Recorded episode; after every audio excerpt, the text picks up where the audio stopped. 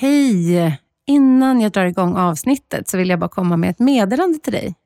Du vet väl att jag jobbar som coach och kontinuerligt tar in nya coachklienter på mina längre program. Women in Business för kvinnor i karriären och coaching för chefer och medarbetare. Om du är nyfiken på det här så är du varmt välkommen att skicka ett mejl till mig, anna at byannafogel.se, så tar vi det därifrån. Tack för att jag fick ta din tid. Nu drar vi igång podden. En kaffe med fågel är en koffeinladdad podd om kreativitet, mental hälsa och entreprenörskap. Jag som har den här podden heter Anna Fågel och jag jobbar som coach, föreläsare och artist. Så ladda din kaffekopp och välkommen till dagens avsnitt. Dagens gäst i podden är Maria Farm och hon är psykolog, psykoterapeut, föreläsare och författare. Hon är just nu aktuell med boken Han är så bra på att ta egen tid och som ny expert i tv-serien Gift vid första ögonkastet. Och I dagens samtal så utgår vi från hennes bok och pratar om de strukturer och förväntningar som påverkar oss kvinnor när vi ska ta egen tid eller ägna oss åt vår egen kreativitet. Det kanske helt enkelt inte är en slump att många kvinnor tvivlar både på sin kompetens och rätten till ett eget rum och egen tid för skapande. Så hur kan vi genom ökad medvetenhet om jämställdhet, om feminism och om normer och strukturer skapa konkret förändring så att vi kan göra allt det där vi drömmer om? Kanske att det hjälper att veta att du inte är ensam och att känslorna du känner delas av väldigt många kvinnor. Och kan vi prata om det och vad som ligger bakom så är vi ett steg i rätt riktning. Idag är jag och spelar in på The Park där jag har kontor i The Parks jättefina poddstudio som man faktiskt kan hyra. Så att eh, jag är jätteglad att få spela in här idag. Det är första gången jag spelar in här och eh, är du intresserad av att göra din egen podd så kan jag tipsa dig om att höra av dig till The Park. Och Den ligger alltså på Södermalm vid Södra station. Så väldigt bra läge också. Och Jag sitter här med Maria Farm en gymnasievän till mig faktiskt. Ja. Välkommen. Tack. Jag brukar nämligen berätta om hur jag har träffat poddgästerna. Mm. Och eh, Vi gick ju faktiskt Tensta gymnasium, Mm. humanistisk linje, för vi. väldigt många år sedan. Det var ju nästan som igår. Ja, eller hur? Eller ja, inte kanske. Men Nästan. Mm. Jättefint att ha dig här i podden, Maria. Tack, superkul att vara här. Och Du har ju skrivit en bok, Han är så bra på att ta egen tid, som du är aktuell med nu. Du har skrivit flera böcker, men det är din senaste bok som vi kommer prata en del om. Mm. Men innan dess, för att lyssnarna ska få en bild av dig. Vem är du? Berätta om vad jobbar du med? Ja, men jag är psykolog och psykoterapeut också. Eh, Så att jag har en samtalsmottagning eh, som jag driver eh, själv. Så att jag har varit egen i många år. Men tack och lov så har jag ändå trevliga kollegor. Vi har en mottagning ihop, jag och några stycken. Och där har jag varit över tio år nu och träffar människor varje dag. Män och kvinnor, unga och gamla med olika typer av situationer som de kommer med. Alltså det är vanligt med ångest, oro, stress, nedstämdhet, relationsproblem. Det är väl vanliga. Och då som du sa har jag ju skrivit tidigare och då har jag skrivit mycket om det här jag möter. Alltså om ångestproblem, jag har skrivit om sorg också hos unga. Och, och så kände jag liksom för några år sedan så här att mm, det saknas någonting. Då gick jag min vidareutbildning till psykoterapeut också. Jag saknade tydligt det här äh, genusperspektivet. Perspektivet på könsroller, normer, strukturer i samhället. Att det liksom få det integrerat i psykoterapiarbetet. Jag tyckte inte vi fick det tillräckligt eh, på den utbildningen som i övrigt var väldigt bra. Ska jag säga. Och en jättehärlig vidareutbildning som, som psykolog. Men, men eh, jag hade väl hoppats på mer där. Och jag kände också att även mycket duktiga kollegor i handledningsgrupper, i samtal, liksom missade det där perspektivet. Att samhället inte är helt jämställt än och vad gör det med oss som individer och vad gör det för oss i parrelationer och så här. Och jag har ju själv kallat mig feminist sedan jag var 14. Liksom. Och det är en så naturlig del av mitt liv. Men ändå lyckas jag liksom inte riktigt få till det där alla gånger tyckte jag. I mina samtal. Så att det vill jag liksom ändra på.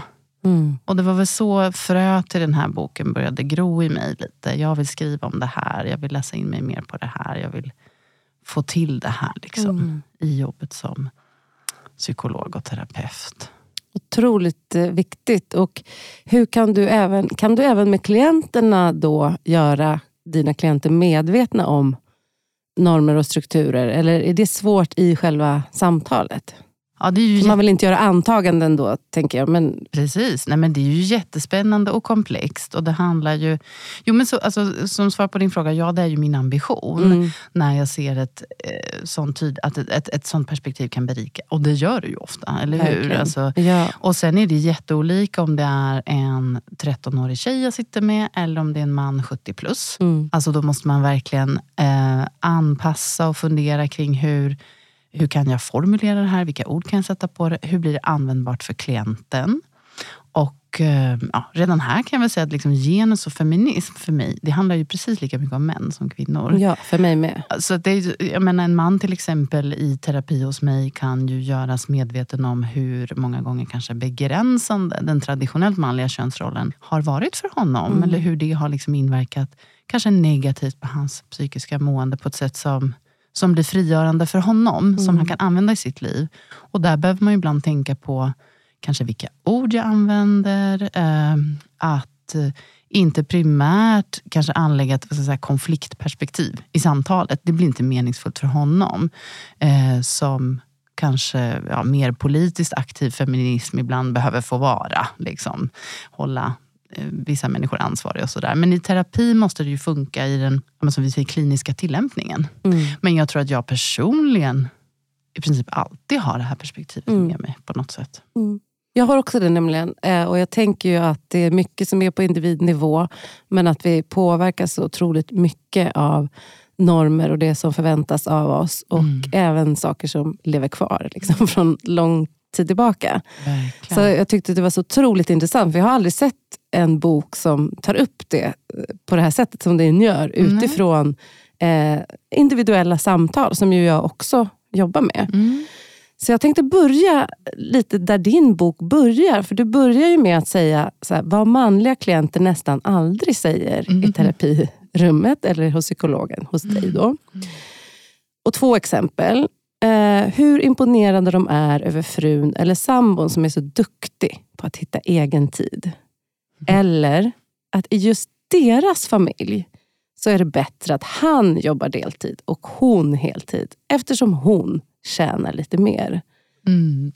De var ju så talande. Jag fick liksom gåshud när jag lyssnade på de här första meningarna. Mm. Och blev ju också lite nedstämd såklart. För att ja, kvinnor generellt har fortfarande lägre lön än män. Mm. Men det som jag fastnade mycket för var ju också just det här bokens titel. Han är så bra på att ta egen tid. Mm. Så vad sägs om jag bara frågar den frågan. Varför är männen bättre på att ta, hitta egen Mm. tid? Ja, det är en jättebra och stor fråga. Så stor. Vi kan prata om den i en timme. Ja, precis. Vi kör den nu. Vi kör den. Vi börjar, vi börjar stort.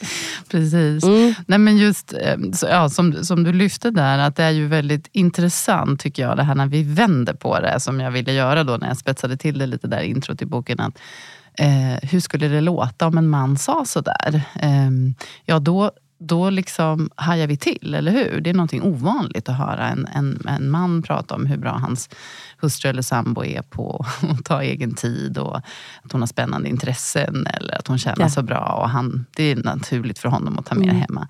Det, det har vi väldigt sällan i våra privatliv och jag har det väldigt sällan i mitt samtalsrum. Så att det blev ju en av ingångarna i och, och mm, det här citatet, han är så bra på att ta egen tid. Det är inte bara en kvinnlig klient som har sagt det till mig, utan eh, många.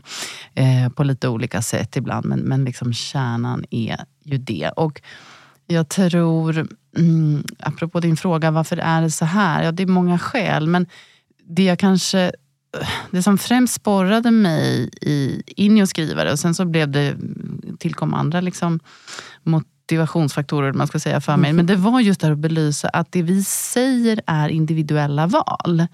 Ja, men han är så himla duktig på att ta egen tid. Han kan verkligen skärma av Mm, liksom, och exakt. nörda in. Och jag önskar att jag vore mer så. Ja, men det, det är väl, vi är väl bara olika. Så att man hör en kvinna säga det om hennes manliga partner. Jag vill ju verkligen lyfta att det här har ju att göra med hur vi behandlar kvinnor och män i samhället. Vad vi låter män göra och vad vi inte tillåter kvinnor att göra.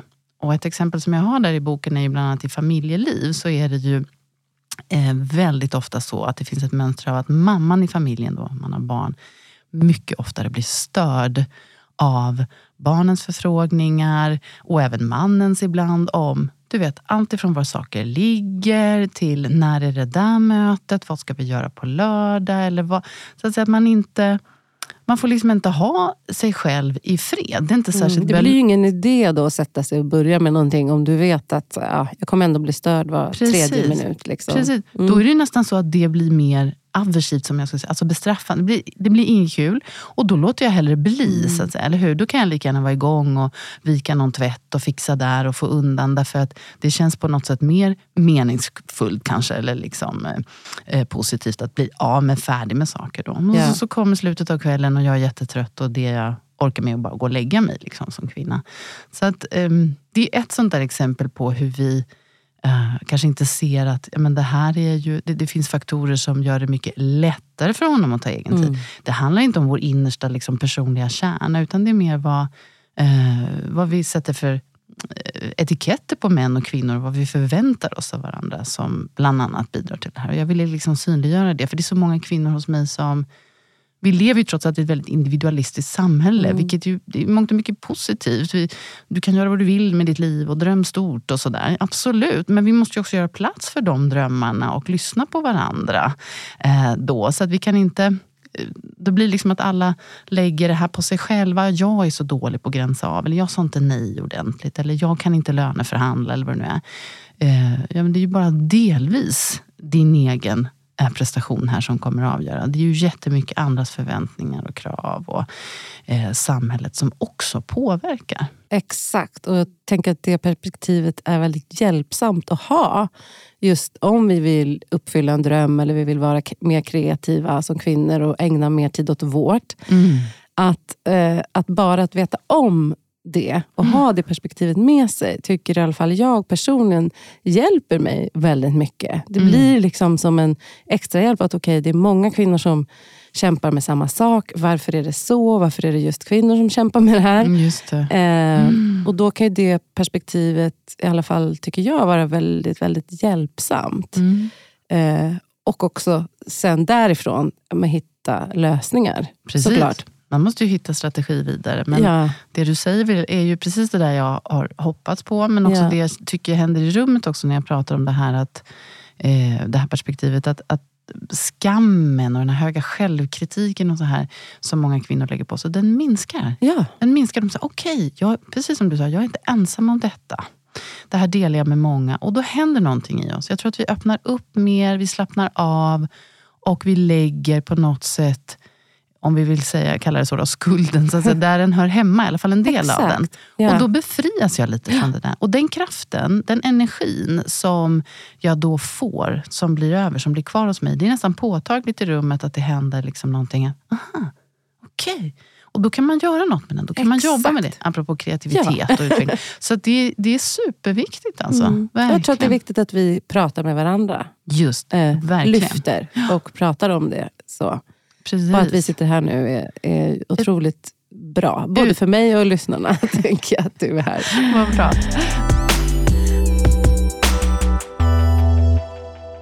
Men skammen och skulden, det jag tycker är väldigt intressant med det, det är ju och ett annat perspektiv, att känna skam eller skuld när jag tar egen tid.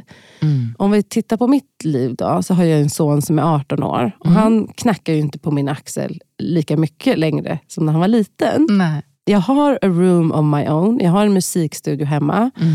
Vilket har gjort det lättare för mig att ägna mig åt min kreativitet. Mm. Men det är fortfarande så att både min man och min son är liksom bättre på att använda det rummet. Mm. Jag tror inte att jag kommer bli störd. Om jag nu ska vara ärlig var jag befinner mm. mig idag, så tror jag att min familj, liksom, nu är alla så pass vuxna så att eh, jag kommer inte bli störd. Men det är ju den där känslan av mm. att jag bör vara tillgänglig. Mm. Eh, och Jag tycker det är så otroligt intressant hur mm. djupt den sitter mm. i mig. Att jag har svårt att, när hela familjen är hemma, bara liksom gå in, stänga dörren och ta en timme mm. och göra mitt. Mm.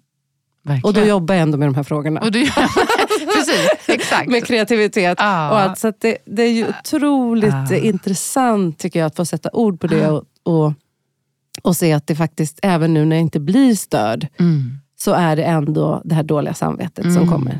Mm. Vad tänker du om det Maria? Ja, men jag tänker mycket och jag ska försöka begränsa mig lite. eller på så här. Nej, men jag tänker ju så här att eh, här så tycker ju jag att det är spännande att diskutera kring, för precis som du säger, just nu i ditt liv ser det faktiskt ut så att du har förutsättningarna, möjligheterna. Och du, du har inte den där treåringen liksom, som Nej. drar dig i kjolen, eh, eller jeansen. eh, och, så. och ändå är det någonting som är annorlunda mellan eh, dig eh, och din man eller son. Mm. Och, så här, och vad är det? Och där tror ju jag väldigt mycket på det här samhälleliga. Att vi inte får glömma bort att vi har marinerats sedan dag ett i denna värld. Att eh, vara just tillgänglig för andra flickor. Uppfostras fortfarande, och gjorde definitivt när du och jag var små flickor, i att ta socialt ansvar. För kanske den stökigare killen på förskolan. Eh, för den lite jobbigare eleven bredvid bänken i grundskolan. Eh, eller om mamma och pappa eh, grälar så lär man snabbt hur man kan få dem på glatt humör igen, säger vi. Så att det här pågår liksom hela livet, att vi förvänt- förväntar oss mer av flickor och tjejer, kvinnor, än pojkar. Pojkar uppmuntrar vi mer till liksom, aktivitet, att vara utåtriktade eller ta för sig, vad det nu kan vara. Mm. Så det där finns ju i oss. Och ehm, jag tänker också om man ska vara lite politisk här. lite Det får så här- du vara. Mm. Tack. lite maktkritisk. Ja. Nej, men så här, det finns ju någon som tjänar på, och några som tjänar på, att kvinnor tänker och känner så här. Jag behöver vara tillgänglig, jag ska ta hand om, jag ska curla, jag ska eh, se till att det inte blir konflikter och så vidare. Då finns det ett eh, gäng som inte behöver göra det i lika stor utsträckning, som därmed kan ägna sig åt sitt eh, arbete och, och vara fokuserade eh, på det. Så att jag tror ju att när den där liksom fisken höll jag på att säga, sprattlar till inombords. Jag borde inte sitta här, jag borde inte ägna mig åt mitt. Får jag verkligen det? Eh, Ska jag inte vara där ute och liksom, eh, känslomässigt arbeta med några? Eh, då ehm, så tänker jag att man ska stanna upp och liksom fundera kring, men vem eller vilka eller vad eh, tjänar på det här att jag tänker och känner så här. Vad är det för strukturer som vidmakthålls? Därför det är ju någonting som händer när vi tar egen tid också. Mm. Oavsett om det är musikstudion eller om det är med pennan i hand eller bara en Mm. promenad, stilla promenad. Vi blir medvetna, vi blir varse, vi kommer i kontakt med liksom djupliggande känslor och tankar och behov. Och då kan man ju bli arg, man kan bli missnöjd, man kan hitta en styrka och en kraft. Eh, det är ju det som egen tid gör med oss. Det här är, jag gjorde faktiskt en parallell, jag blev intervjuad av kommunalarbetaren för ett tag sedan.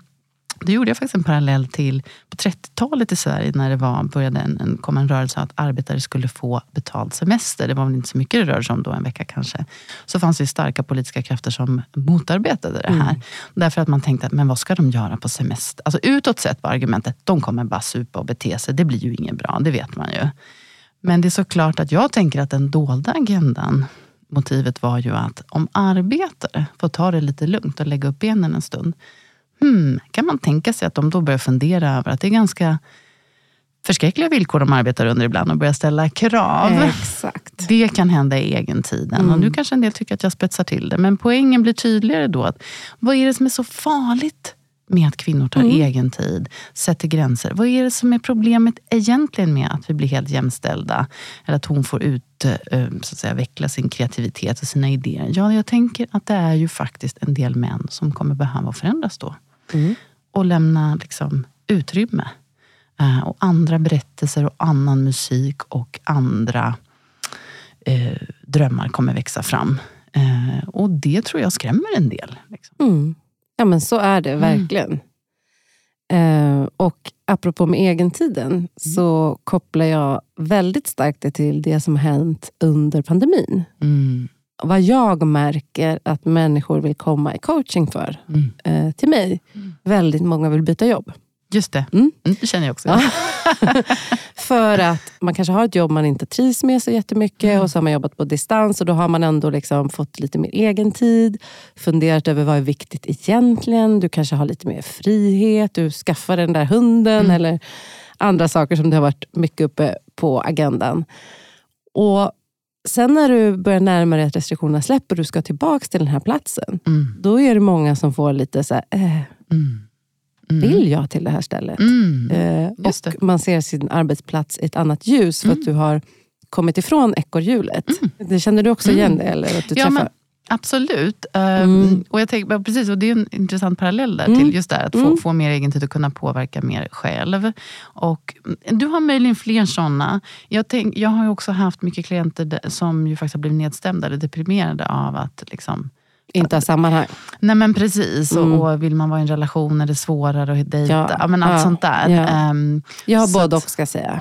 ja, ehm, så att, ja, men det, men det kanske möjligen är ett annat spår. Liksom. Mm. Ehm, men det, jag, jag har ju sagt att jag har haft många under covid som jag inte tror skulle komma till mig annars. faktiskt, För de hade inte blivit nedstämda Nej, i, sin, i sina vanliga liksom, Nej. kontexter. Nej. man säger. Mm.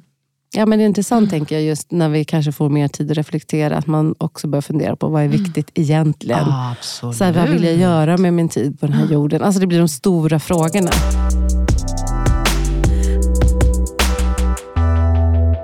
Men Maria, vad ska man göra då? Jag tänker då, eh, tänk dig föräldern. Okej, nu säger vi mamman. Mm. Eh, Som alltid när man pratar om, om kön och normer så får vi säga det är såklart att det är individer och det är skillnad mellan individer. Mm. Eh, Absolut. Ja. Eh, Såklart. Men om vi tänker nu att det är en mamma som har treåringen, Mm. eh, fyraåringen och eh, hon har fullt support säger vi, av sin Mm. partner. Ta, Sätt det, men skriv på den här boken eller eh, det här projektet som du Mm. vill, vill göra om vi pratar kreativitet. Eh, men så känner ju hon att eh, det går inte för hon kommer ändå bli störd. Mm. Eh, hur, hur ska hon göra? Ja, ja, gud, det finns det ju många svar på. Eller ett sätt att se det är ju att liksom verkligen ordna i det konkreta och praktiska förstås. Att man Mm. kanske måste göra det eh, svårt att bli, bli störd rent fysiskt. Alltså, det kanske inte går att vara hemma alltid. Och mig, alltså sådär. Eh, men ehm, jag tror att det som, det var väl lite det vi var inne på också, det här med tvivel och så. Det är ju någonting, det skriver jag om det i boken. Eh, och eh, det här med egna intressen, att överhuvudtaget komma i kontakt med det. Jag tänker att många kvinnor jag träffar eh, Alltså det var ju länge sedan de gjorde det överhuvudtaget. De har ägnat sig så mycket åt sitt jobb och, och andra. Så att det här, vad är det jag vill vad är mitt budskap då? Eller vad vill jag skriva om om jag ska skriva? Mm. Vad, är, vad är det jag vill liksom bottna i? Eh, det behöver man ju först så att säga eh, kämpa lite med. Och där tror jag att tviv, när tvivlet kommer på att äh, men det här är inget bra, eller jag vet inte om jag kan, eller är det något meningsfullt eller sådär. Så kan man ju faktiskt se det tvivlet som både förstås en konsekvens av att jag kanske har haft en situation jag har haft, att jag inte kunnat ägna mig så mycket åt, det, åt min kreativitet. Men det kan också vara... För det är ovant. För det, ja, men, Exakt, verkligen, precis som allt Ja. jag inte Mm, gör så ofta. mm. Så. Och sen så är ett annat perspektiv att det också faktiskt kan, kan sägas vara en slags copingstrategi. Alltså då menar jag hur jag bemästrar någon eller hur jag tacklar någonting, en svår situation.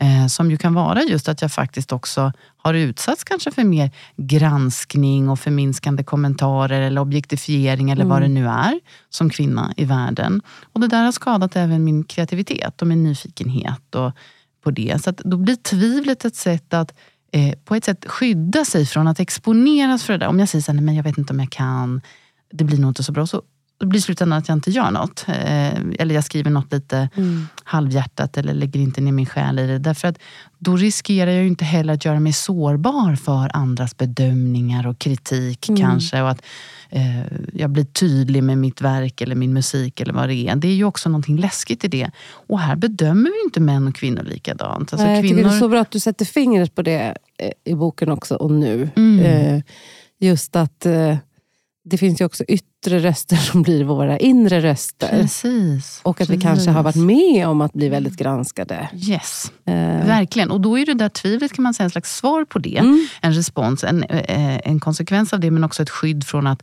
"Åh, vara med om det igen. Så, så lyssnar jag för mycket på, eller lyssnar jag på mitt tvivel så kommer det så att säga skydda mig, nu gör jag citationstecken i luften här, mot, ja. mot framtida katastrofer ja. eller sårbarhet. Det är bara det att, att om jag kan se att det där tvivlet kanske också är ett sätt att eh, så att säga, vara kvinna idag för många, eller det här har liksom hänt oss och det här är det vi har gjort av det. Okej, okay. kan jag ta mitt tvivel i handen? Det får följa med. Eh, det får sitta här bredvid mig i, i bilen så att säga, men det får vara på passagerarsätet. Det är jag som håller i ratten. Och vi kan göra saker tillsammans med vår rädsla, tillsammans med vårt tvivel. Men den behöver inte styra oss. Så att säga. Och sen att jag är medveten om när jag presenterar min musik till exempel. Att ja, det kanske kommer kritik och jag kanske kommer bli granskad på ett annat sätt för att jag är kvinna. Men jag är så att säga, lite beredd på det och det är värt det. Så att, säga. att ha sin egen röst är värd det.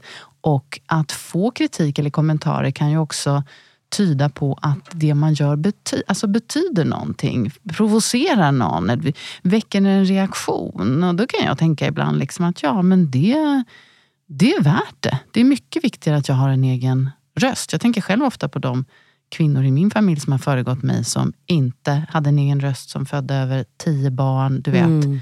fyra överlevde till vuxen ålder, förresten dog i tbc. Alltså, nu pratar jag två, tre generationer back. Mm. Men de kan verkligen inspirera mig. Mm. Så jag tänker så här, men det här gör jag också för dem. Uh, och det gör inget om jag får kritik. Det är liksom... Så tänker jag väldigt så. mycket också. Och i min egen kreativitet. Att jag är väldigt noga med att släppa ifrån mig saker till exempel. Och Jag säger inte att man måste göra det. Man kan få vara kreativ för sin egen skull. Mm. Men det finns ju någonting väldigt häftigt med att dela det man gör med världen. Om det är ens kreativitet eller om du är, eh, har någon stark åsikt och vågar uttrycka mm. den. Att du faktiskt tar plats mm. eh, ute i världen trots att du riskerar mm eh, att bli granskad. Annars missar vi också liksom, en stor procent av alla berättelser. Verkligen. Eh, Verkligen. Så, så mm. brukar jag tänka ganska mycket. Mm. Och liksom, när jag också pratar med människor som vill ut mer med sin kreativitet. Också att hantera mm. den inre kritiken med mycket självmedkänsla. Och liksom inte, mm. inte vänta in att jag ska ha ett så här slå mig på bröstet självförtroende. Mm, nej, precis. Det... Eh, för det kanske inte kommer. Och om det kommer, kommer det troligtvis med att jag eh, exponerar mig och märker att ja, det här gick ju bra då till slut. Ja, precis. Det är nog snarare en konsekvens av Eller det. Exakt. Att man har, nej, men det tycker jag jättemycket det handlar om. Att mm. bara, eh, nu skriver jag här, jag vet inte vad det blir, men jag skriver. Och det är det handlingen ja. i sig som är kreativiteten, tänker jag. Mm. Och att, att jag liksom också lite forcerar det där. Och, eh, och där tror jag kvinnor har ju väldigt ofta just höga krav på, ja. det ska verkligen bli tipptopp.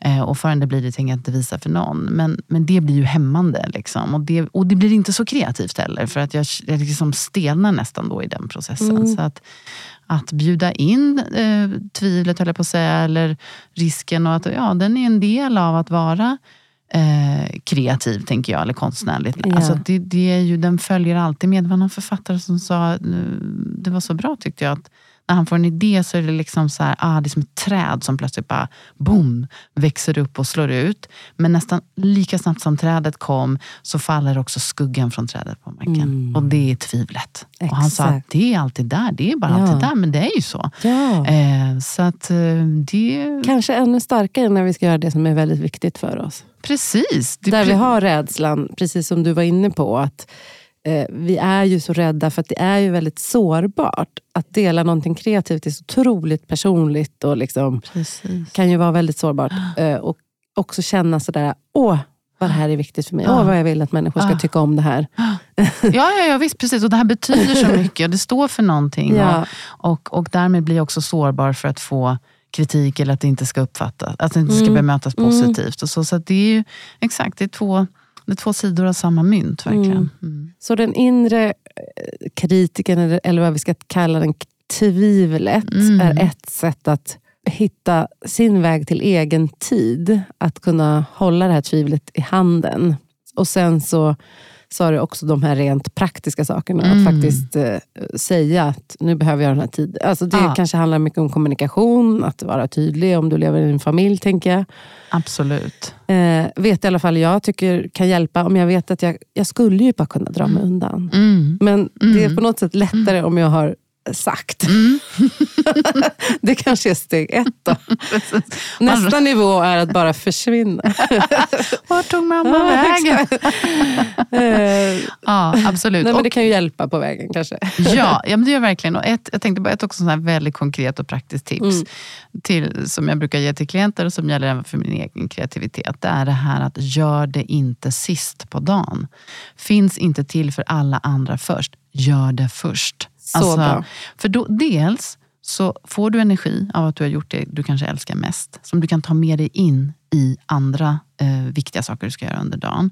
Och dels är du så pigg och fräsch i huvudet som möjligt. Eh, för det, jag menar, det hjälper ju i det mesta kreativa, inte bara skrivande utan musik eller vad, vad det nu kan vara. Eh, så att för det är en vanlig kvinnlig eh, åkomma, höll jag på att säga, det här att jag ska få någonting som belönar. Först när jag har gjort allt det andra, då kan jag få vara kreativ. Då kan jag få min egen tid, då kan jag få min stund. Men då är du ju ofta så trött och färdig. Det, Det orkar du inte. det orkar du inte och den blir inte alls lika belönande eh, och eh, viktig som den skulle kunna vara om du la den först. Mm. Så det tycker jag är konkret. Så vända på det helt enkelt. vänd på det, Ja. gör det först. Men jag är ju nyfiken på hur ser din kreativa process ut? För du skriver ju böcker. Ja. Har du, vad har du för taktik? Ja Om det, du har någon? Jo, jag har nog flera. Mm. Alltså, absolut. Det där jag sa nyss är nog en av dem. Att faktiskt göra det för, alltså, inte tänka på att jag ska gå och vänta på någon Nej. så här, inspiration. Ehm, eller så här, nu ska jag vara helt ärlig och säga. Mm. Först måste jag ha inspiration för att överhuvudtaget skriva ett synopsis. Ja. Alltså, det vill säga en skiss över en bok som kan vara allt från några sidor till betydligt längre. Eh, det måste jag ha inspiration för. Men sen då när jag ska omsätta det i praktisk, eh, så här konkret eh, vardagsskrivande. Då är det verkligen det här att det är bara att sätta sig och göra. Och då kan man till och med mäta faktiskt i tid. Att jag kan säga så här, nu sitter jag eh, två timmar och bara skriver. Det är det jag gör. Och när de två timmarna har gått, då är jag nöjd. Alltså, oavsett vad som står på skärmen så kommer jag vara nöjd. För jag har gjort min jag har tjänstgjort idag. Liksom. Här, Mm. Nu har författaren arbetat och sen kan hon göra andra saker.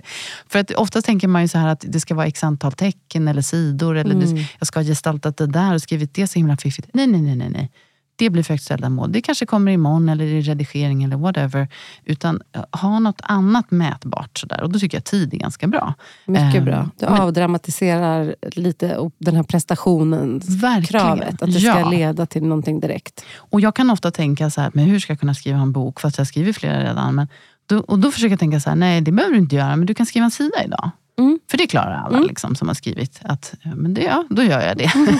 så det brukar vara ett bra knix också. Ja. Men innan så där så är det nog i den här mer inspirerade fasen, nej, det har jag inte riktigt samma koll på. Alltså det bara händer plötsligt. Och det händer ofta nattetid ska jag säga. Ja, vad skriver du på natten då? Nej, utan att jag får en idé. Så här, att jag Mm. vaknar och bara... "Mm." Och så hör jag en röst nästan som säger till mig några ord, alltså en första mening eller någonting. Wow. Och då gäller det att vara nära en penna Ja. och bara skriva ner. Nej, men faktiskt, det har varit så Mm. med flera Mm. av dem. Ljuger jag mig säger alla? Nej, kanske inte den allra första kanske. Då var jag så, så junior fortfarande. Men, så, så det där har jag lärt mig känna igen. Att bara, aha, aha, okej, okej, ja, mm. Och så är det lite som att ta diktamen så här Ja. från någonting som jag inte riktigt har koll på vad det är. Och inte ifrågasätta så mycket, utan bara, okej bra, här har vi kanske något. Och så låta den tråden löpa vidare och, och bolla med någon förläggare förstås på sikt. Men att, så det där första, det är mer någon slags, det är lite magiskt tycker jag. Det du säger är så viktigt Maria, apropå liksom kvinnor och stress och Mm. produktivitet och prestation. Så tänker jag att det är så viktigt att du skapar space. Mm. För nu händer det dig på natten. Det är ju troligtvis ingen slump. Förmodligen inte. Men för någon annan kanske det händer när vi tar en promenad i Ja. skogen. Eller eh, liksom, jag har ju en, någon slags mission att uppvärdera den här oproduktiva tiden. Just det, Eh, just det. Och det kanske man kan göra genom att vända på det. Att vara kreativ först istället för att städa hela hemmet innan man sätter sig och vara kreativ. Mm.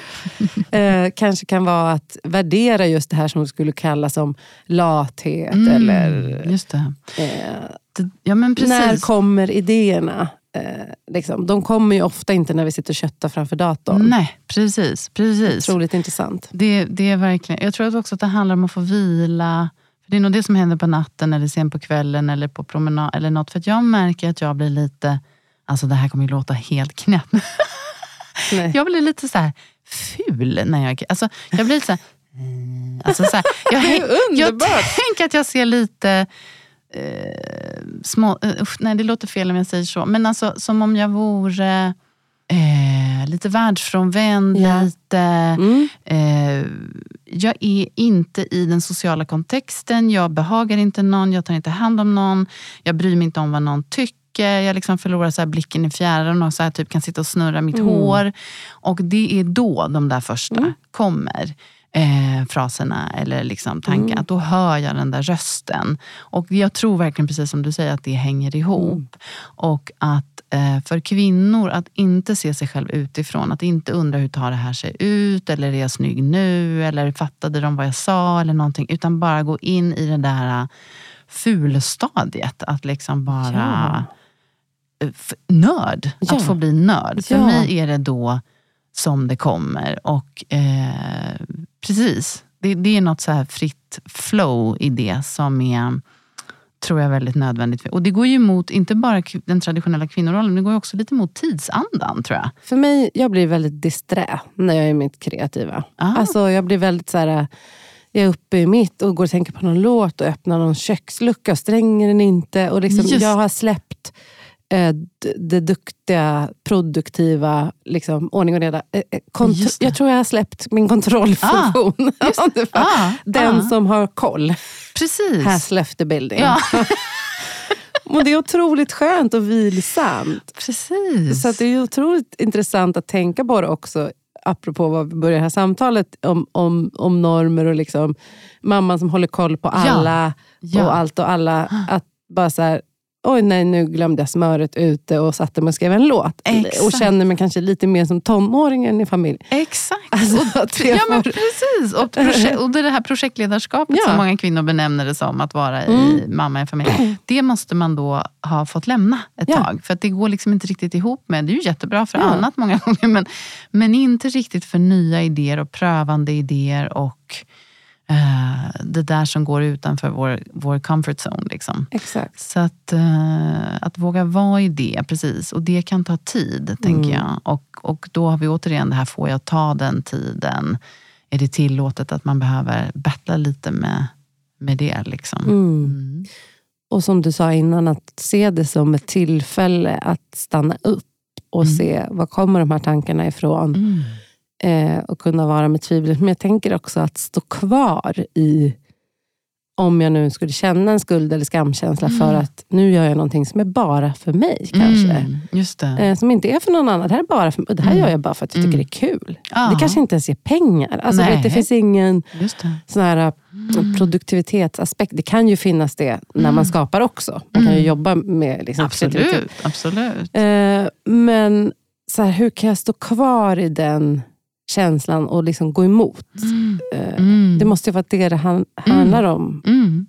Det tror jag, men väldigt mycket att, att, att stå ut med det och stå ut med de Mm. negativa känslorna som kan väckas. Och förstås eventuellt kommentarer och alltså, om omgivningen lägger på mycket. sådär. Men jag tänkte Anna på det du sa precis, det där att det kanske bara är för mig och det kanske bara är för, för skoj och sådär. Att Där tror jag att vi har någonting också att lära lite kanske av männen. Att jag tror inte att män tänker på sin kreativitet och sitt skapande så lika mycket. Utan det är liksom viktigt och jag har ett budskap och, Mm. och eh, jag måste få tid till det här. Det, är något, det ska bli någonting. Mm. Det handlar om hur vi värderar Ja. eh, vår egen kreativitet. Precis. Mm. Ja, men så tänker jag också. Mm. Därför att man kan ju tänka att ja, det kanske bara är för skoj, eller liksom för, för det ger mig glädje. Och det, eh, så. Men jag tror att det händer något om vi tänker så här. Att, eh, och här kan ju människor vara, vara olika. En del tror på en högre makt eller har liksom en sån. Det, och det kan man göra om man vill. Eller så gör man inte det, det spelar ingen roll. Men jag tänker ju faktiskt att när vi alla får den där möjligheten att stanna upp och känna efter och lära, liksom, vara mer med mig själv på ett kravlöst sätt så stiger faktiskt vissa drömmar och tankar fram mer. Mm. Och det är den jag är då. Och det som kommer då är kanske inte bara egentligen något som, som rör mig. Utan det kanske också är så att om jag får vara min kreativitet så är det för att det är där jag behöver vara för att skapa någonting som sen kan komma att användas av många. Exakt. Eller hur? Hur Mm. många människor har Ja, inte ja. blivit tröstade av musik? Ja, ja. Eh. Mm. peppade av musik, lärt känna sina egna känslor av musik till exempel. Mm. Att man, jag tror att det är viktigt för kvinnor att kanske tänka så att jag behöver inte lägga mig i det där så mycket. Om det jag gör är för någon annan eller för mig själv eller om det bara är för skoj. Utan jag ska göra det jag är kallad att göra. Mm. Att man, jag tänker ibland lite när jag skriver så här, om jag tycker det är jobbigt eller det är slutprocessen liksom av det. Att ja, men jag bara inställer mig för tjänstgöring. Detta är det jag ska göra.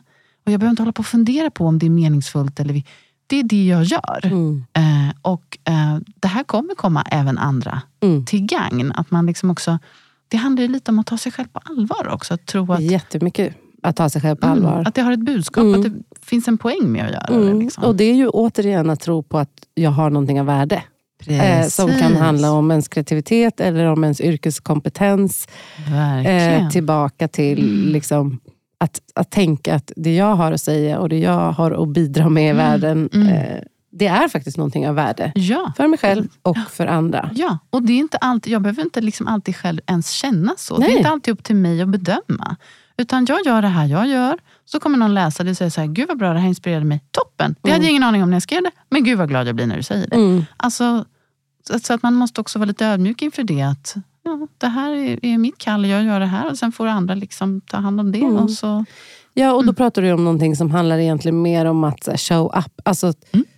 eh, och inställa sig till Ja. sitt arbete Ja. oavsett hur jag känner eller inte. ja, För- Oavsett om jag känner självförtroende, om jag känner att det jag gör, gör är bra eller dåligt. Alltså att, bara bort med det. Låt det vara där. Men, precis. Ja, precis.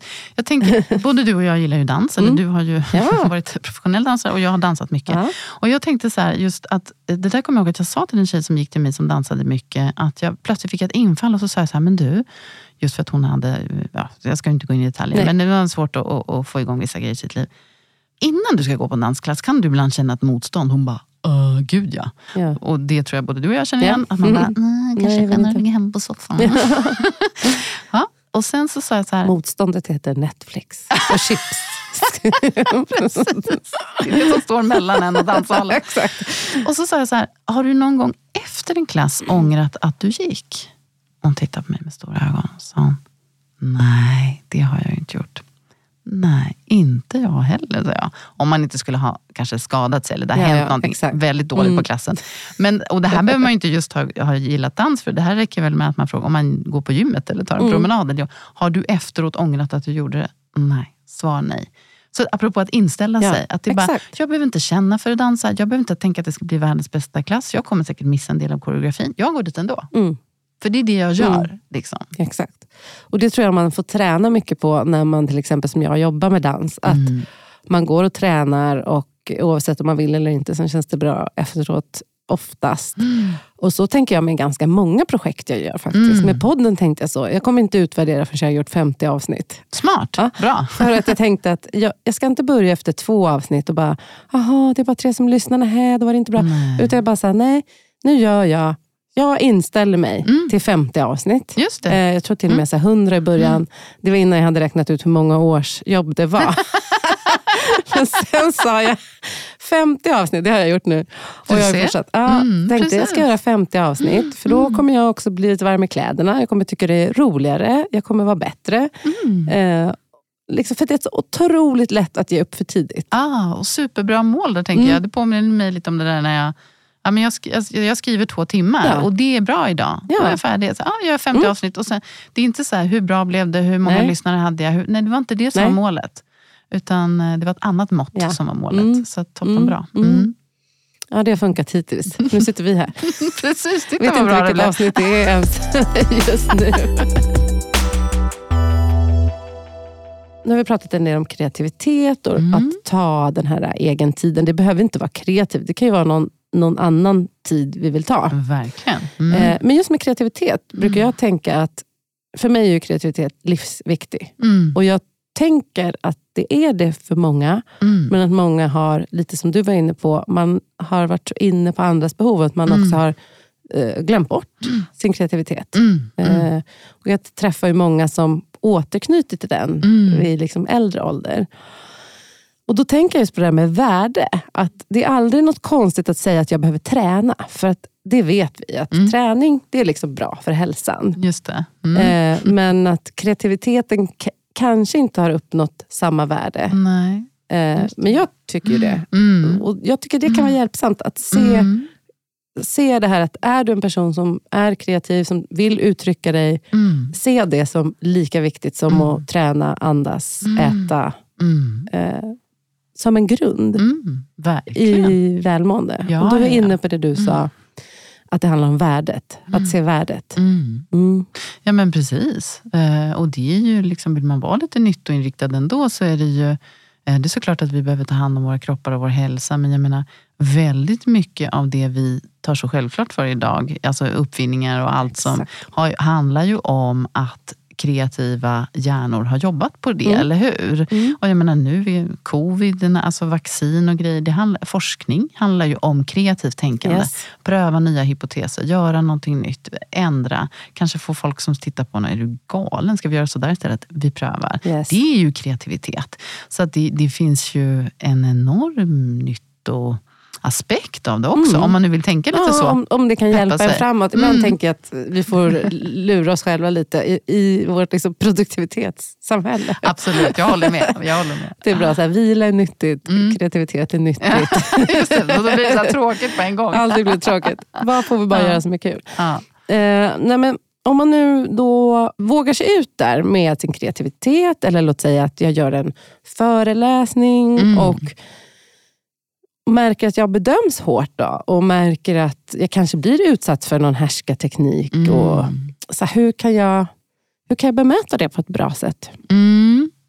Oj, också jättebra fråga. Mm. Det är en stor fråga, men jag tänker Ja. att vi, Verkligen. Um, ja, det första jag tänker när du säger det där, det är ju att man själv behöver få välja, eh, så att säga, om man vill bemöta det och i så fall hur. mm. Eh, och där, är, där, där kommer väl kanske terapeuten i mig fram lite, att där skulle jag ju uppmuntra till något så, det kan låta så banalt, men det är någonting för, för många människor ganska svårt, att bara faktiskt hinna stanna upp i en knepig situation.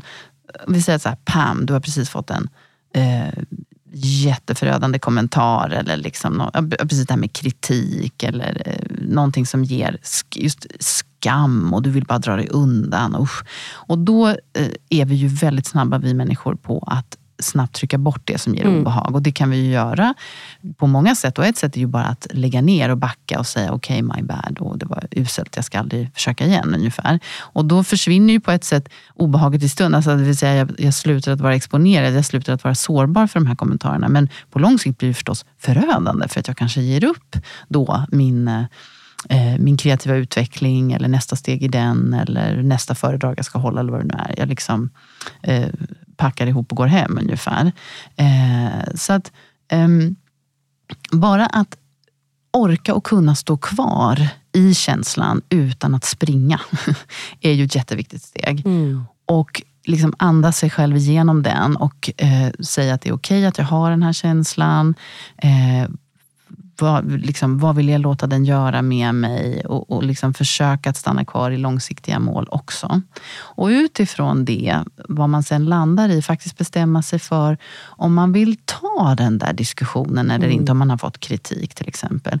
För här är jag lite ambivalent. Ibland tycker jag att det är viktigt att diskutera med män, som det ofta är då, det kan vara kvinnor också, men det är vanligare att det är män, som liksom ifrågasätter feministiska värderingar Mm. eller ja, men vi är redan framme, eller varför behövs det här? Eller så här. Typ så. Därför att, och, och som också då kan generera kritik mot vad man gör. Därför att då hamnar jag på något sätt i samma loop som, som feminister och kvinnor ofta hamnar i. Nämligen att överhuvudtaget eh, så att säga, eh, hävda mitt existensberättigande. Mm. Jag får vara här. Eh, jag får vara här. Bara liksom, det är bara det man håller på med hela tiden. Och så kan de hålla på med massa annat spännande. Eh, det finns, apropå så här, vem tjänar på att jag hela tiden måste förklara att feminister inte är farliga? Eller Mm. att det här budskapet får vara med. Eh, ja, det är ju inte jag eller vi eller liksom det moderna samhället, utan det är ju några andra krafter som tjänar på det. Så att viss kritik och viss sånt tänker jag att man bara på ren svenska skit i det. och, så, och så gå fram. Alltså, Ja. Svara på det du tycker är värt att svara på. Det som du tänker kan utveckla dig själv. Liksom. Ju mer du utmanar i din kreativitet, eller ju mer plats du- tar, desto mer kritik kommer du förmodligen att få. Men också kanske i bästa fall positiva kommentarer. Och, Exakt. Så. Och ofta skulle jag nog säga att det är till merparten positivt när du väljer att gå ut och ta plats. det tycker jag med, verkligen. Och det är en viktig poäng också. Ja. Se alla de människorna, se alla de kommentarerna. Du är ju också så att säga på något sätt lite skyldig dem att, att göra en, en, det var ju ett tråkigt ord, men, men eh, låt dem inspirera dig att se att det här är de det här är flertalet. Varför ska jag ägna mig åt det här nättrollet eller vad det nu kan vara för Ja, ja. något? Det, är ju inte, det blir ju inte konstruktivt. Nej. Liksom. Så att vä- välja om jag vill, jag då som blir utsatt vill bemöta det eller inte och sen hur. Men låt säga att jag blir utsatt för någonting live. Då. Låt säga att jag har en föreläsning och så Mm. sitter det några där framme och ifrågasätter varenda slide jag tar fram. Och vad, vad har du fått den där siffrorna ifrån? Mm. Jaha, vart kommer de ifrån? Och uppenbart stör Mm. min föreläsning. Vilken rysare alltså. Ja, det är så. Jag har faktiskt varit med om det. Det har säkert du också. Ja, det ja, har det har jag jag, ju också. hört i, Mm, i boken. Precis. Eh, och liksom, Det är ju väldigt svårt att... Jag tänker att det kan vara bra att tänka efter innan. Mm. Vad ska jag göra om någonting sånt här händer? Ja. Så Ja. Låt oss bara bolla Ja. det. Låt, så sätter vi upp på den här föreläsningen och det. sitter den här personen och Mm. kanske avbryter till och med. Och liksom, herregud. Mm. du är där som expert. Mm. Exakt. Men det ifrågasätts då av... Av honom. Mm. Ja, jag tycker att det där som du sa är jättebra råd, just att, vad att man tänker igenom lite före. Därför den absolut vanligaste kommentaren, eller eh, inte kommentaren, utan ehm, eh, konsekvensen eller vad som händer med en är ju ofta så att man bara, "Åh", det liksom, Ja, man kan komma på allt smart efteråt. ja ja visst, för man blir liksom lite chockad över hur kan någon säga sådär. Eller bete- Och det på något sätt så, så är det lite sunt att man, man blir det, för att det är på något sätt den normala reaktionen. Men man säger ju inte det är lite ohyfsat. Det är lite ohyfsat. Exakt. Så det, det är på något sätt talar ju om att man är lite så här uppfostrad Mm. att man reagerar så. Så det är absolut att förbereda sig på att det ändå kan hända. Det jag ofta gör ehm, när det händer... Alltså nu, I psykoterapi får man ju väldigt ofta som behandlare sitta med väldigt mycket känslor. Alltså det väcks, alltså man får saker från klienten eller man själv liksom håller i någonting som som klienten också upplever, alltså stark ångest. Eller, alltså det är en bra träning i att inte springa på de där känslorna på en gång och faktiskt våga ställa eh, lite tuffare frågor eller lite frågor som kan göra personen sårbar. Eller att vi inte... Att vi, för mig är det lätt att vara nyfiken på ångest. Jag skräms inte av ångest. Eh, för jag har tränat mig på det. Och det är ju onekligen både ångest och skam som man kan få i en sån där situation. Så jag, mitt råd, om man känner att man pff, vågar brösta det, det är att bara eh, släpp lite av din ursprungliga plan. Passa på, för nu händer det någonting som är spännande i publiken. Mm. Använd den här personen. Alltså bli nyfiken. Så här, vad, vad intressant. Det verkar som du har tänkt mycket kring det här. Och jag blir nyfiken. Vill du berätta mer? Ja. Alltså så här, gå inte i försvar. Ta inte det betet. Och till och med om man är riktigt så här på, man tänker så här, jo men jag pallar nog det här. Så kan man ju belysa att det som händer, om det är just att man blir avbruten av en man, säger vi, eller vill begränsa en. Eller, så, att, så kan man ju faktiskt använda det. Har du, har du märkt nu att det som händer nu mellan dig och mig, det är att du vill förklara för mig att jag har fel och du tar upp en plats som är min. Och Vad spännande, för det är precis det här jag pratar om och nu Just det. sker det. Vad tänker du om det? Och det här kräver ju sin kvinna naturligtvis. Mm. Men, men någonting sånt, att man liksom inte går i försvar, för då kommer man bara möta en hårdare argumentation, utan förhåller sig ganska mjuk och Mm. öppen. Men är tydlig med att ehm, ja, det är jag som har mandatet att stå på scen här, men vad är det du, det här var något intressant. Mhm, berätta Mm. mer. Och att man, håller, man behåller rodret på något sätt. Det tänker jag är otroligt viktigt. Och det är ju också att gå emot. För det man känner inombords är ju troligtvis något helt annat Mm. Yes. än det där lugnet och Verkligen. nyfikenhet. Men man kan ju också vända det till äkta nyfikenhet. Mm. Alltså, så har jag tänkt en gång när jag faktiskt var med om det. Liksom, dela på den här personen. Och då var det faktiskt ett sammanhang där det hade varit jättemånga talare och han kom bara på min. Och då tänkte jag, Mm. det visar ju ändå det är ett intresse för Ja. ämnet. Ja. Och liksom, alltså att jag försökte till och med jag kände ju så här, att det här är inte så o, det här är oförskämt. För att om man har bjudit in någon så kan man ju inte avbryta hela Nej. tiden. Eh, Det är, det är inte hyfs. Nej, Så. precis. Eh, Men jag försökte också vända det till, hur, hur skulle jag kunna få det här till äkta nyfikenhet då? Mm. Mm, Eh, just det. kan- Mm, mm. Skulle jag på riktigt kunna bli intresserad av Ja, just det. Mm. Ja, var kommer de här frågorna ifrån? Och, Precis. eh, men det är inte lätt. Nej, det är en jättestor För man utmaning. känner sig eh, attackerad. Ja, ja verkligen. Ja, verkligen. Ehm, det kan också inspirera andra att man vågar vara öppen med sin sårbarhet Mm. eller ställa såna här frågor eller liksom att inte gå in i försvar. Alltså det kan vara något som, det har jag ofta fått höra, liksom, att det, det där att man får inte vara rädd att göra bort sig själv, liksom, utan att bjuda på det och öppna Mm. upp ju, tillåter ju andra att göra samma sak. Liksom. Mm. Det är en spännande hemuppgift som jag ska säga. Exakt. Så alla ni som ska gå ut och föreläsa, förbered er. Men det är nog också roligt att förbereda sig på allt det goda som kan hända. Ja, Så att det alltså blir lite balans. självklart. Ja, Mm. eh, det, det är en balans. Mm. Och även där tycker jag att ofta är det ju mest positiva. Ja, det är så, ja men verkligen. Det är som en klient eh, sa om för eh, ganska många år sedan nu, men jag tycker det var underbart. Så där. Vi hade jobbat mycket ihop, han och jag. Och, och eh, han hade verkligen utmanat sina rädslor just lite inom den här domänen. Och så, och så skulle han eh, prata då inför en grupp och vi höll på att kartlägga där eh, tankar och känslor innan. Och, så, och jag bara, "Ah, vad är det värsta som kan hända? Så klassiskt Ja, ja. från en KBT-terapeut att föra. Mm. Vad är det värsta som kan hända? Och han liksom, så stannade han upp och så tittade han med och bara, Maria, vet du vad? Jag är så trött på den där frågan. Ja. Jag tänker så här nu, vad är det bästa som kan Ja. hända? jag bara, men gud vad bra. Ja. Det har du verkligen rätt i. Ska vi prata om det också en Ja. stund? Liksom, att, Mm. eh, Så att det är faktiskt en viktig poäng. Mm. Ja, den tycker jag är bra. Och det är lite att eh, låta ens längtan och drömmar vara större än rädslan. Att faktiskt Just. se vad, vad är det Mm. bästa som kan hända om jag tar de här stegen framåt oavsett vad det, vad det må, må vara. Mm. Och vad händer om jag inte gör det? Precis, också en viktig Ja. fråga. Och jag, jag kan välja jag att stanna kvar. här, Ja. men vad händer då? Ja. Liksom? Mm. Mm. Du, eh, det går snabbt när man har roligt. Vad är, vad, är de, vad är de mest vanliga frågorna du får då, om boken? Ehm, alltså ska jag klumpa ihop det lite så är det väl lite just så här, hur omsätter man teori till praktik? Liksom? Yes. Hur gör man då kan man Mm. säga?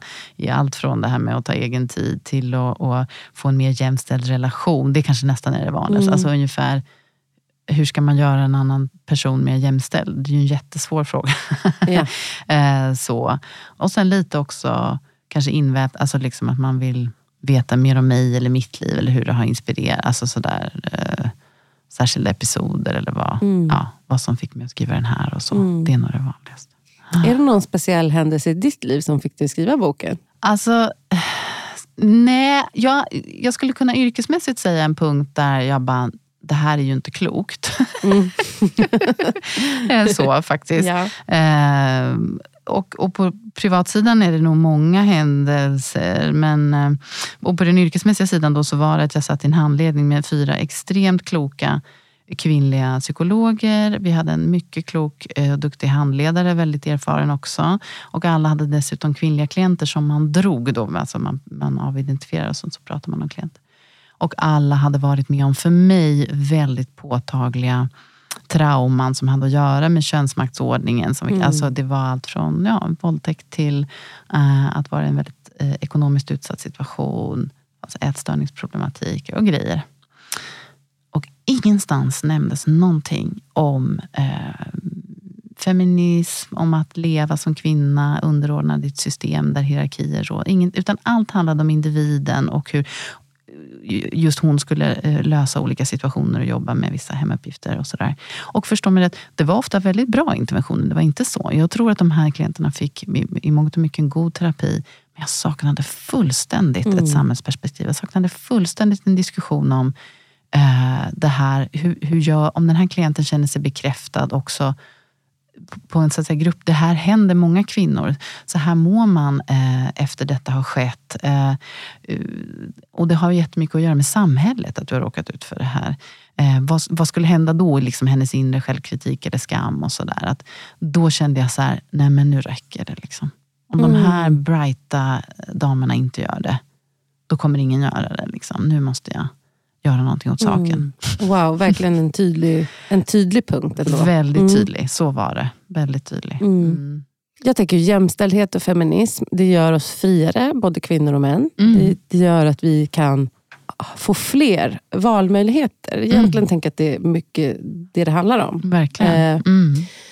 Och om man då som kvinna i en familj eh, traditionellt sett kanske tar både mer projektledarrollen och det så kallade emotionella arbetet. Mm. Eh, att se till att alla mår bra. Att Mm. eh, vara den som, ja, är det på jobbet kanske man är den som går och serverar kaffe Mm. och kollar stämningen Mm. och så vidare. Eh, och så tänker vi att vi skulle vilja att det här då fördelades mer jämnt. Mm. Eh, vad har männen att vinna Mm. på jämställdheten? Mm. Vi pratade i början av samtalet om att någon vinner på att vi fortfarande eh, inte delar med oss. Att vi hå- håller vårt kreativa för Mm. vårt själv. Att vi inte tar platsen i Just det. samhället. Just det. För då Mm. behöver männen ge upp sin plats. Mm. Men Mm. vad har de att vinna på jämställdheten? Mm. Mm, jättebra fråga tycker Mm. jag. Superbra. Och jag tänker att de har väldigt mycket att eh, vinna på det förstås. Och en del av det här är ju mina samlade erfarenheter. Det, går, det är svårt att forska på det som ännu inte riktigt finns. Men det Mm. finns ju forskning som, på, på, på hur det ser ut idag och att även män faktiskt mår bättre eh, i jämställda relationer till exempel. Även om sambandet är lite oklarare och är lite svagare än vad det är för kvinnor. Och Det tror jag har att göra med att det är fortfarande så nytt för män och de behöver hitta sin form i det. Liksom, eh, så. Men, men, om- så att om jag går utifrån mina erfarenheter så ska jag säga att män vinner eh, en gladare partner som därmed eh, stressar mindre. Eh, det blir en genuinare relation. Man får ett bättre sex och samliv. Eh, det är jag fullständigt övertygad om. Eh, man, så att säga, nu gör jag citationstecken i luften, tvingas bli en bättre pappa, en mer närvarande pappa. Och det vinner män på. De kommer att få djupare relationer till sina barn. Eh, som kommer gagna dem även senare i livet när de, blir, Mm. när de får barnbarn. Eh, deras eh, jag tror att deras hälsa torde bli bättre. Nu säger man ju idag att ensamstående män oftast mår sämre än ensamstående kvinnor, även avseende hälsa. Men får vi mer jämställda relationer så tänker jag att eh, det blir, alltså som du sa, feminism handlar om flera valmöjligheter. Ja. Att det kommer finnas flera sätt att vara man. Eh, och eh, jag tänker att man inte kommer känna samma press att dricka lika mycket. Eh, man kanske kan göra mer hälsosamma val och ändå liksom få vara en man eller en kar. Alltså, för det finns ju många sådana där uttryck som, kan inte dricka som en kärring. Alltså, Mm, om vi skruvar till det lite. Mm. Så att fler valmöjligheter gör ju fler livsmöjligheter kan man säga. Och det tänker jag att män också tjänar på i allra högsta grad. Mm. Absolut. Eh, otroligt många bra exempel. Mm. Eh, och du sa, skrev ju, nu säger jag du sa eftersom jag har lyssnat på din ljudbok. Ja. Du skrev ju i boken också att istället för att kvinnan kanske går mer, ner jättemycket i tid och en man liksom jobbar asmycket. Mm. Tänk om båda skulle jobba 80 procent. Mm. Eh, det. det. tyckte jag var ett väldigt härligt exempel. Mm. Apropå att eh, ja, men det är många som sliter ut sig med heltidsjobb Ja. och hemmajobb och blir sjukskrivna och utmattade. Så tänk om Verkligen. båda kunde jobba 80 procent Mm. och man hade tid för eh, familj och liksom Ja. hemarbete. Verkligen. Det, det, Det var ljuv musik i mina öron. Mm. ja, vad härligt. vad härligt. Mm. Men Maria, eh, det har ju varit så himla kul att ha dig här. Och jag skulle Mm. ju kunna göra ett avsnitt på varje kapitel i boken. eh, vi sa ju det i början, att vi fokuserar mycket på kreativitet och uppfylla Mm. drömmar. Och ta plats där ute i offentligheten med sina åsikter och sin röst och sin kompetens. Mm. helt enkelt. Mm. Eh, men jag vill tipsa er lyssnare att verkligen eh, läsa eller lyssna på boken. Han är så bra på att ta egen tid av Maria. Och Sen så vill jag fråga dig Maria, om man vill följa dig, för det kommer ju de vilja göra i sociala medier och så vidare. Var hittar vi dig? Då finns jag på Instagram som feministpsykologen. Så där får man gärna följa mig. Underbart. Feministpsykologen på Instagram. Och tack snälla till er som har lyssnat idag. Tack. Nu går vi och äter lunch. Det gör vi. Hej då. Du har lyssnat på podden En kaffe med fågel med mig, Anna Fågel. Podden är inspelad på The Park Södra i Stockholm och ljudtekniker det var Georg Hagstrand på GH Audio. Följ gärna podden på Instagram, att en kaffe med fågel. Vill du komma i kontakt med mig för coaching, kurser eller andra samarbeten? Gå in på www.byannafogel.se